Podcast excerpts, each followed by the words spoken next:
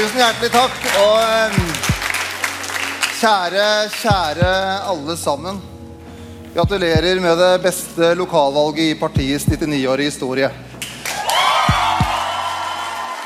Da partileder Trygve Slagsvold Vedum gikk på scenen på valgvaken for noen få uker siden, klappa tilhengerne hans for et historisk maktskifte fra Arbeiderpartiet til Senterpartiet i de tre nordligste fylkene. Nå avdekker en rykende fersk forskningsrapport mye av årsaken til det her. Folks tillit til politisk makt svikter nemlig når den geografiske avstanden blir større. Vi i Kurer spør oss hva det betyr for norske riksmedia. Og mediepanelet samles litt senere for å diskutere hvor stor nyhetssaken er, når to av landets største kjendiser bestemmer seg for å flytte fra hverandre. Jeg heter Lars Erik Ertsgaard Ringen, og du hører på Mediemagasinet Kurer. Det er bare noen få dager siden Jonas Stein forsvarte doktoravhandlinga si. Så når eh, han snakker med oss i Kurer, er den nye tittelen så fersk at han ikke helt har blitt vant til den ennå. Jeg heter Jonas Stein og er førsteamanuensis i statsvitenskap ved UiT, Norges arktiske universitet. Det var premiere på tittel. Det var det. Det var stort. Det var veldig rart å si det. 20 000 mennesker er intervjua i arbeidet med forskningsprosjektet. Jeg har forska bl.a. på eh, politisk tillit i Norge. Hvorfor er det sånn at noen har mer tillit til eh, politikerne enn andre? Eh, og det jeg finner ut, er at på tross av at man kontrollerer for veldig mange ting, så er det lavere, litt lavere tillit i Nord-Norge enn i resten av landet. Kom det her som en overraskelse? Eh, det var kanskje litt overraskende at eh, Ikke kanskje at det var var det når man bare tenkte enkelt nord versus sør, men, eh, men at, den, man klarte, at den forblei sånn etter at man la på en masse masse kontrollvariabler for å sjekke ut om det kunne skyldes noen andre årsaker, og at vi rett og slett sto igjen med en faktor som heter geografi og avstand fra makt, som en viktig forklaringsfaktor.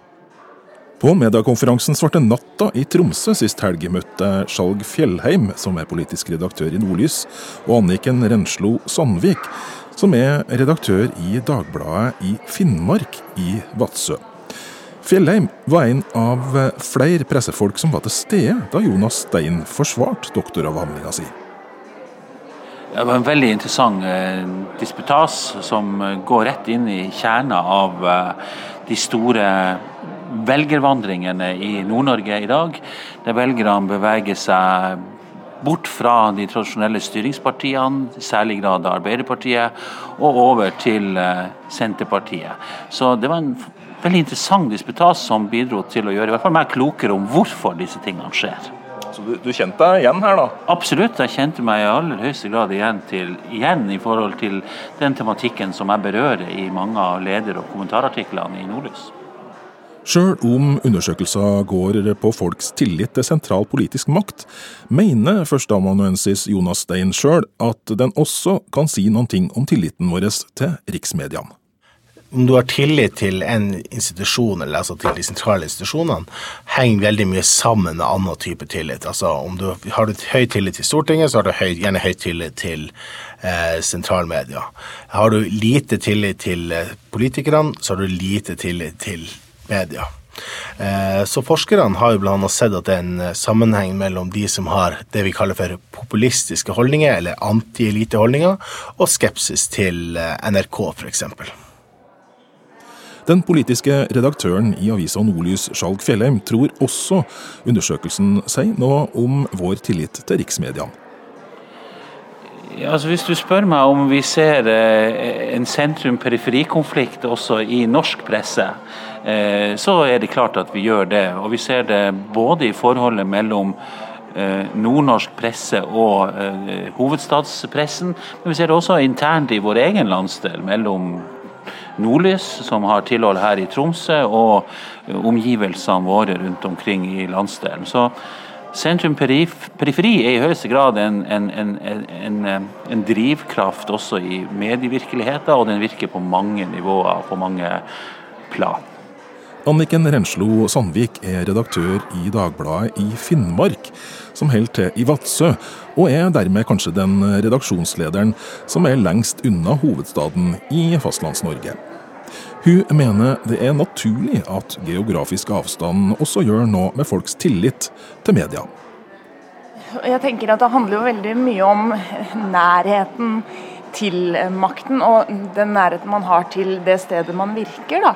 Eh, jeg jobber jo i en lokalavis eh, som for så vidt driver i en region. Øst-Finnmark er jo et stort område å være en lokalavis. Men vi er jo tett på en del av befolkningen som kanskje ikke føler at maktpersoner er så tett på dem. da. Det er liksom både fjernt geografisk og også kanskje mm, eh, hva gjelder Man skal kanskje ikke si klasse, men likevel en helt annen type folk. da, Det er avstand på flere områder. Så det tenker jeg at vi merker også inn i redaksjonene. Hvordan er det med tilliten folk i Finnmark har til riksmediene? Eh, jeg tror nok at de føler kanskje først og fremst på en avstand også til, til mye Selvfølgelig ikke alt i riksmediene, men på, på, mye. Det tror jeg. Og til spesielt da kanskje det politiske stoffet. Eh, først og fremst fordi at veldig mye av det angår jo dem ikke, på samme måte kanskje. Som altså, blir liksom den der avstanden, da. Rett og slett fordi at eh, man er litt på et sånn annet sted og har en litt annen oppfatning av virkeligheten. Og I hvert fall når det handler om Nord-Norge. I, i um, rikspressen så er det jo ofte kanskje et bilde vi som innbyggere i nord ikke nødvendigvis kjenner oss igjen i. da. Vi tok oss en tur på byen i Tromsø for å høre litt mer om hva folk mener om det her. Hvis du leser VG og Nordlys en dag, hvem av de avisene stoler du mest på innholdet i? Eh, jeg tror jeg stoler mest på Nordlys. De er, de er mer lokale. De må eh, feise leserne på en annen måte. Eh, VG kan skrive saker som eh, leses over hele landet, og det er vanskelig å bli konfrontert med innholdet. Eh, vanskelig å si. Eh, man burde vel kanskje kunne måtte stole på den største avisa, VG. Ja. Det står i det. Eh, men jeg leser Nordlys mest, da, så det er kanskje den jeg stoler mest på. Hvorfor da? For Det er lokalavisa vår, så det er jo viktig informasjon som kommer ut der. og det, det er jo meningen at alle i lokal, lokalsamfunnet skal følge med. og eh, Da er det viktig at det stemmer, at man kunne stole på det som kommer ut der. Hvis du eh, leser både VG og Nordlys, hvem av de to avisene stoler du mest på innholdet i? Hvis eh, Nordlys skriver om eh, forhold i denne landsdelen her, tror jeg nok at de har mye å bidra med. Men samtidig så må jeg si at når Verdens Gang gjør jobben sin, så gjør de en god jobb. Men ofte så kan det bli veldig overflatisk. Det er langt fra Oslo til nord, og det er like langt fra nord til Oslo. Som vi hører, så virker det som at folk i Tromsø kanskje stoler litt mer på det avisa til Skjalg Fjellheim, Nordlys, skriver, enn det de leser i riksmedia. Men hvorfor er det sånn? Jeg tror eh, det er veldig viktig eh, for folk, eh, ikke bare i Nord-Norge, men egentlig hele landet, det å bli sett og hørt og lytta til. Føle at de blir forstått, føle at hele Norge ser og, og, og, tar del i den virkeligheten som de, de, lever av. Og Der spiller jo media en veldig viktig rolle. Og, og media sin tradisjonelle rolle, altså hvis vi snakker om Oslo-media, riksmedia, har jo vært å dekke Norge ved hjelp av lokalkontor, distriktskontor. Eh, reportere som reiste rundt og så Norge nedenfra og opp og lot folk komme til orde. Veldig mye av dette er jo borte i dag, og det tror jeg er med på å påvirke folk eller det synet som folk i Nord-Norge har på, på media generelt, og spesielt eh, riksmedia. Jeg er helt enig. Eh, og Befolkningen i nord de ser jo nå riksmediene når det skjer store uh, ulykker eller drapssaker. Altså sånne store, tunge hendelsesnyheter med negativt fortegn der. da. Og de ser liksom, Det er da de møter disse journalistene og ser de ansikt til ansikt, og så rykker de ut igjen. Uh, sånn at det er jo ingen som har en opplevelse av at riksmediene er ute for å høre hvordan folk har det i dagliglivet da, og i den hverdagen som betyr noe for dem. Den tilliten som, som Eller det limet som media kan være mellom landsdeler, mellom mennesker i, i, Norge, har liksom forvitra litt med at man ikke lenger er ute eh, de store mediene i Oslo som setter premissene for den offentlige samtalen, at de i så liten grad er ute og rapporterer fra virkeligheten. Ikke bare i Nord-Norge, men også i resten av Distrikts-Norge. Og Jeg tror det er en av forklaringene på den polariseringa vi ser i norsk politikk. Og jeg tror at Senterpartiet er, Det passer jo veldig godt inn i Senterpartiets narrativ og fortelling om at uh, vi har en, en Oslo-sentrisme og, og, og en hovedstad som har vendt ryggen til resten av Norge. VGs sjefsredaktør Gard Steiro får i dette programmet oppgaven eh, å svare på vegne av landets riksmedia. Snur de store redaksjonene virkelig distriktene ryggen? Nei, jeg mener vel at det er en uh, noe populistisk uttalelse, uh, uttalelse som mangler nyanser. Uh, det som er riktig, er at deler av riksmediene har lagt ned kontorer i Tromsø de senere årene, også VG. Men vi har eh, tilstedeværelse i Nord-Norge. Hvis man ser nå den forrige høsten av valgkampen, så har vi aldri hatt mer stoff fra Nord-Norge enn det vi hadde da. Og vi har et eh, tett og godt samarbeid med en rekke aviser i eh, Nord-Norge, deriblant Nordlys, konkurrent i Tromsø, der vi får eh, masse journalistikk og stoff fra våre samarbeidspartnere i Nord-Norge. Så Jeg vil ikke si, jeg syns det er feil å si at vi har eh, vendt en eller flere landsdeler ryggen, at riksmediene som helhet har gjort det, men at journalistikken har endret seg og at vi ikke lenger har et lokalkontor i Tromsø, det er jo riktig. Men Hva mener du media skal lese ut av denne undersøkelsen som viser at folks tillit til rikspolitikk iallfall eh, synker dess lenger unna hovedstaden du kommer? For oss så tror jeg det handler om at eh, vi ser at samfunnet endrer seg voldsomt.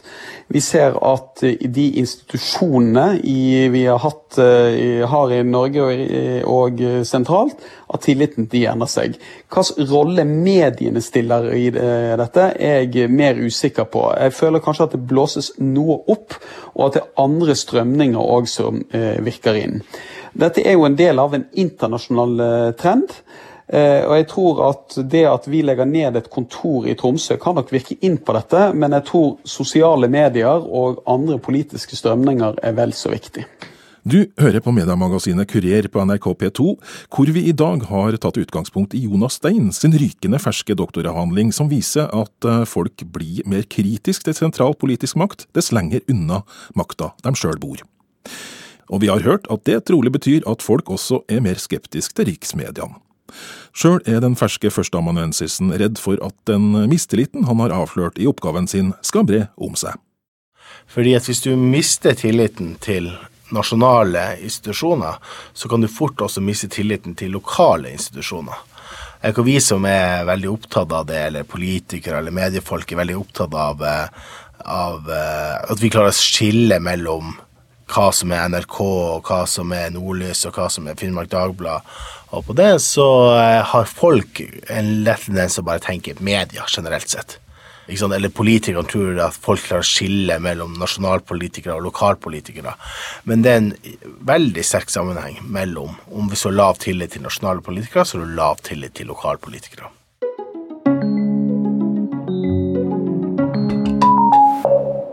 Da skal vi snakke om noe helt annet eh, her i Kurer, og for å hjelpe meg med det, så har jeg fått besøk i studio. Og ukas mediepanel består av politisk redaktør Siv Sandvik i Adresseavisen, journalist eh, og kommentator eh, Linda Bjørgan i NRK, og Atle Jørstad Wergeland, som er leder i VGs rampelysredaksjon. Og i dag så tenkte jeg vi skulle snakke om eh, en av ukas store saker hos eh, dere i Rampelys, eh, Atle. Og mange andre redaksjoner også, for så vidt. For på søndag så sprang bomba. Petter og Gunhild Stordalen skal flytte fra hverandre. Aller først, Atle, hvor viktig er denne nyheten? Den nyheten er viktig for oss som jobber i VG. Vi skal være gode på den type ting. Og så er den Altså, den er viktigere enn eh, kjendisbrudd flest, for at, uh, dette paret er jo også en betydelig maktfaktor. Uh, men sammenligna med brexit, Nav-saken, Frode Berg, så er den ikke helt der oppe. Hvor populær er den hos leserne deres, da? Det er en annen sak. den, uh, den, er veldig populær, det er det ikke noe tvil om. Ja, Den blir blant våre mest leste saker i år, det kan jeg nok trygt si. Mm. Hvor stor grad lar dere styre av det?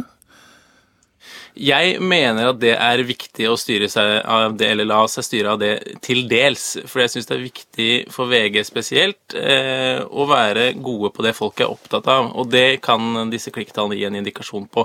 Men eh, det er jo ikke sånn at vi bare lager saker fordi at det klikker bra. Da kunne vi lagt ut eh, pornografi, så tror jeg det hadde gått veldig bra. Men det er ikke sånn at vi gjør det heller. Så jeg mener det er en, en vesentlig del av bildet, og så må man ikke se seg blind på det heller. Men bomba sprang altså på søndagen. Hvordan kom den opp til overflata? Det var jo via en pressemelding som de sendte ut selv, og det er jo en sånn klassisk øvelse for eh, par som er så kjente på det nivået der. De er jo et eh, superpar, eh, hvis vi kan kalle det det. Det å ta kontroll over kommunikasjonen selv, en pressemelding eh, som de ikke har kommentert eller svart på noe spørsmål eh, utover den pressemeldingen i tida etterpå, bortsett fra to, eh, en felles melding med to forskjellige bilder på Instagram hvor de takket for støtten en dag eller to seinere. Hvor vellykka har det vært å, for deres del å ta kontroll over denne saken på den måten? Ja, Nå vet man jo ikke helt alt uh, altså, Vi har bare fått vite de tingene vi har fått vite. Men de har jo da med det fått god kontroll på saken. Eh, alternativet ville kanskje vært å stille opp på Skavlan, stille opp på et intervju i VG, eh, de hadde pressekonferanse etter bryllupet, sånne type ting. Og da får du jo med en gang eh, flere spørsmål som kan være vanskelig å svare på. Og så er det jo alltids et spørsmål igjen for par av denne størrelsen hvor tett du vil la folk komme inne på privatlivet sitt. da. Siv Sandvik, hvor viktig syns du denne saken er?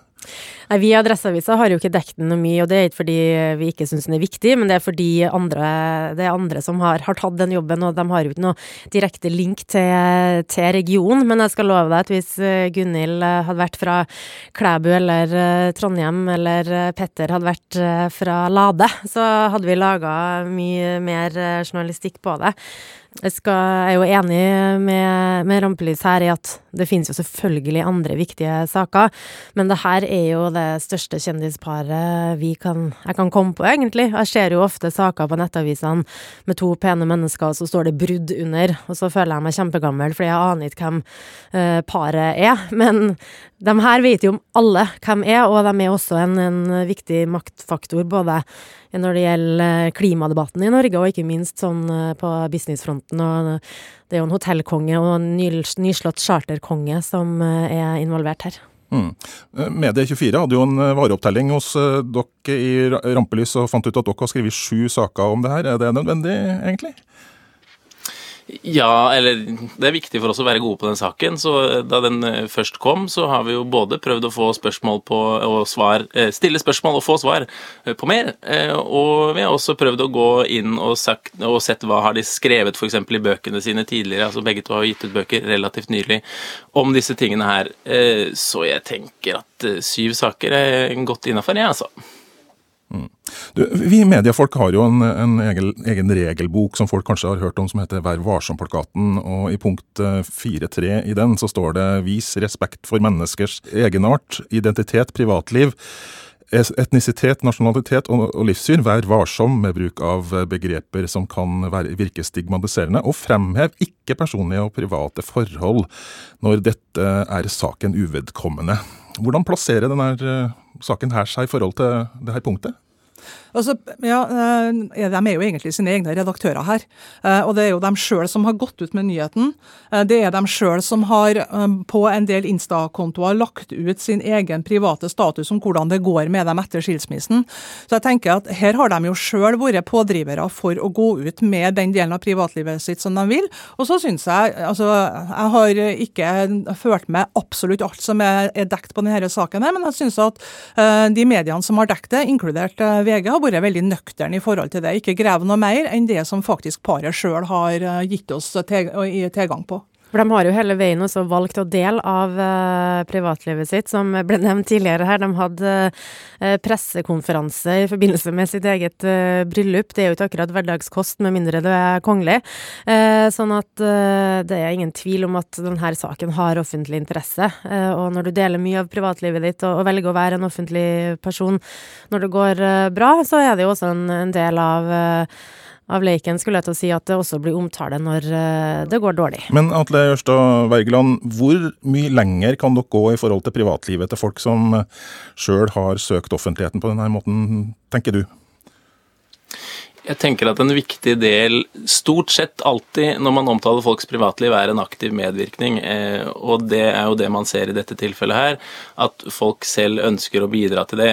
Og så er det selvfølgelig i noen enkelte tilfeller hvor eh, det er en eh, utfordring med habilitet og andre ting, hvor, privatlivet kan spille en rolle, men, der er vi jo ikke her. Så jeg tenker at det med aktiv medvirkning, at de selv er med på å bekrefte dette eh, på blokka med en, med en pressemelding sånn som dette her, det er stort sett der vi, der vi holder oss og der vi, og der vi er, og så kan vi selvfølgelig pushe på, vi kan stille spørsmål, vi kan eh, si stemmer det sånn og sånn og sånn og sånn.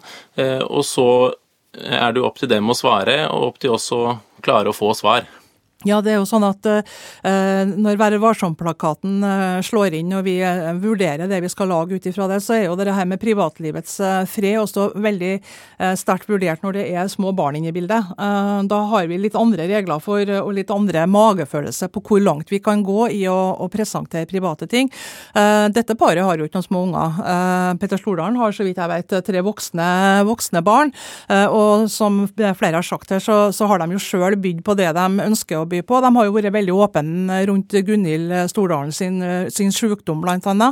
Stilt opp i mange dybdeintervju hvordan dette har påvirka livet deres. sånn at jeg ser ikke noen noe, grunn til at de skal beskyttes eh, noe mer enn det som allerede er gjort i denne saken. Det hadde jo selvfølgelig vært noe helt annet hvis uh, media hadde vært full av anonyme kilder som spekulerte uh, i årsak og ubekrefta rykter. og Det hadde jo vært brudd på en hel drøss med punkter i Vær varsom-plakaten. Og med forbehold om at jeg ikke har lest alt, så har ikke jeg sett skjedd den type overtredelse. Men hvor flink er folk som er offentlige personer til å skjønne det at deres privatliv er mer utsatt for ja, innsyn enn oss vanlige menige folk? Det varierer jo, men de her to er særdeles klar over det. Hva slags erfaring har du, Atle? Nei, Det er mitt, eh, mitt, inntrykk også, eller min erfaring også. Det er ganske stor forskjell på det. Men eh, sånn som her, hvor altså, Petter Stordalen er jo eh, den i Norge som i størst grad er brandet sitt. Altså han, eh, han bruker jo seg sjøl og har brukt eh, altså Paret har brukt seg sjøl med kjendisfester, og eh, de tror jeg ikke har noe problem med å se at dette er en naturlig ting å omtale. Men jeg mener jo også i den, altså når folk har søkt offentlighet sammen med forholdet i den grad som er gjort her, med å bygge seg sjøl, bygge seg sjøl som en maktfaktor, nettverking, så er det en lavere terskel for å, også å ettergå og, og, pushe litt på for å faktisk få svar. Da. Kommer det flere saker om denne skilsmissen hos dere i VG og Rampelys? Oh, jeg håper virkelig at vi får det stø første store intervjuet med både Gunhild og Petter, så eh, fingers crossed. Det var alt vi fikk tid til i Kurer i dag. Takk til Linda Bjørgan eh, fra NRK, Siv Sandvik fra Adressa og Atle Jørstad Wergeland i Rampelysredaksjonen i VG. Jeg heter Lars-Erik Ertsgaard Ringen, og produsent for denne sendinga har vært Randi Lillealteren. Og om du har innspill til dette programmet, eller kanskje en idé til tema vi kan ta opp i et senere program, så når du oss på e-post kurer krøllalfa nrk.no.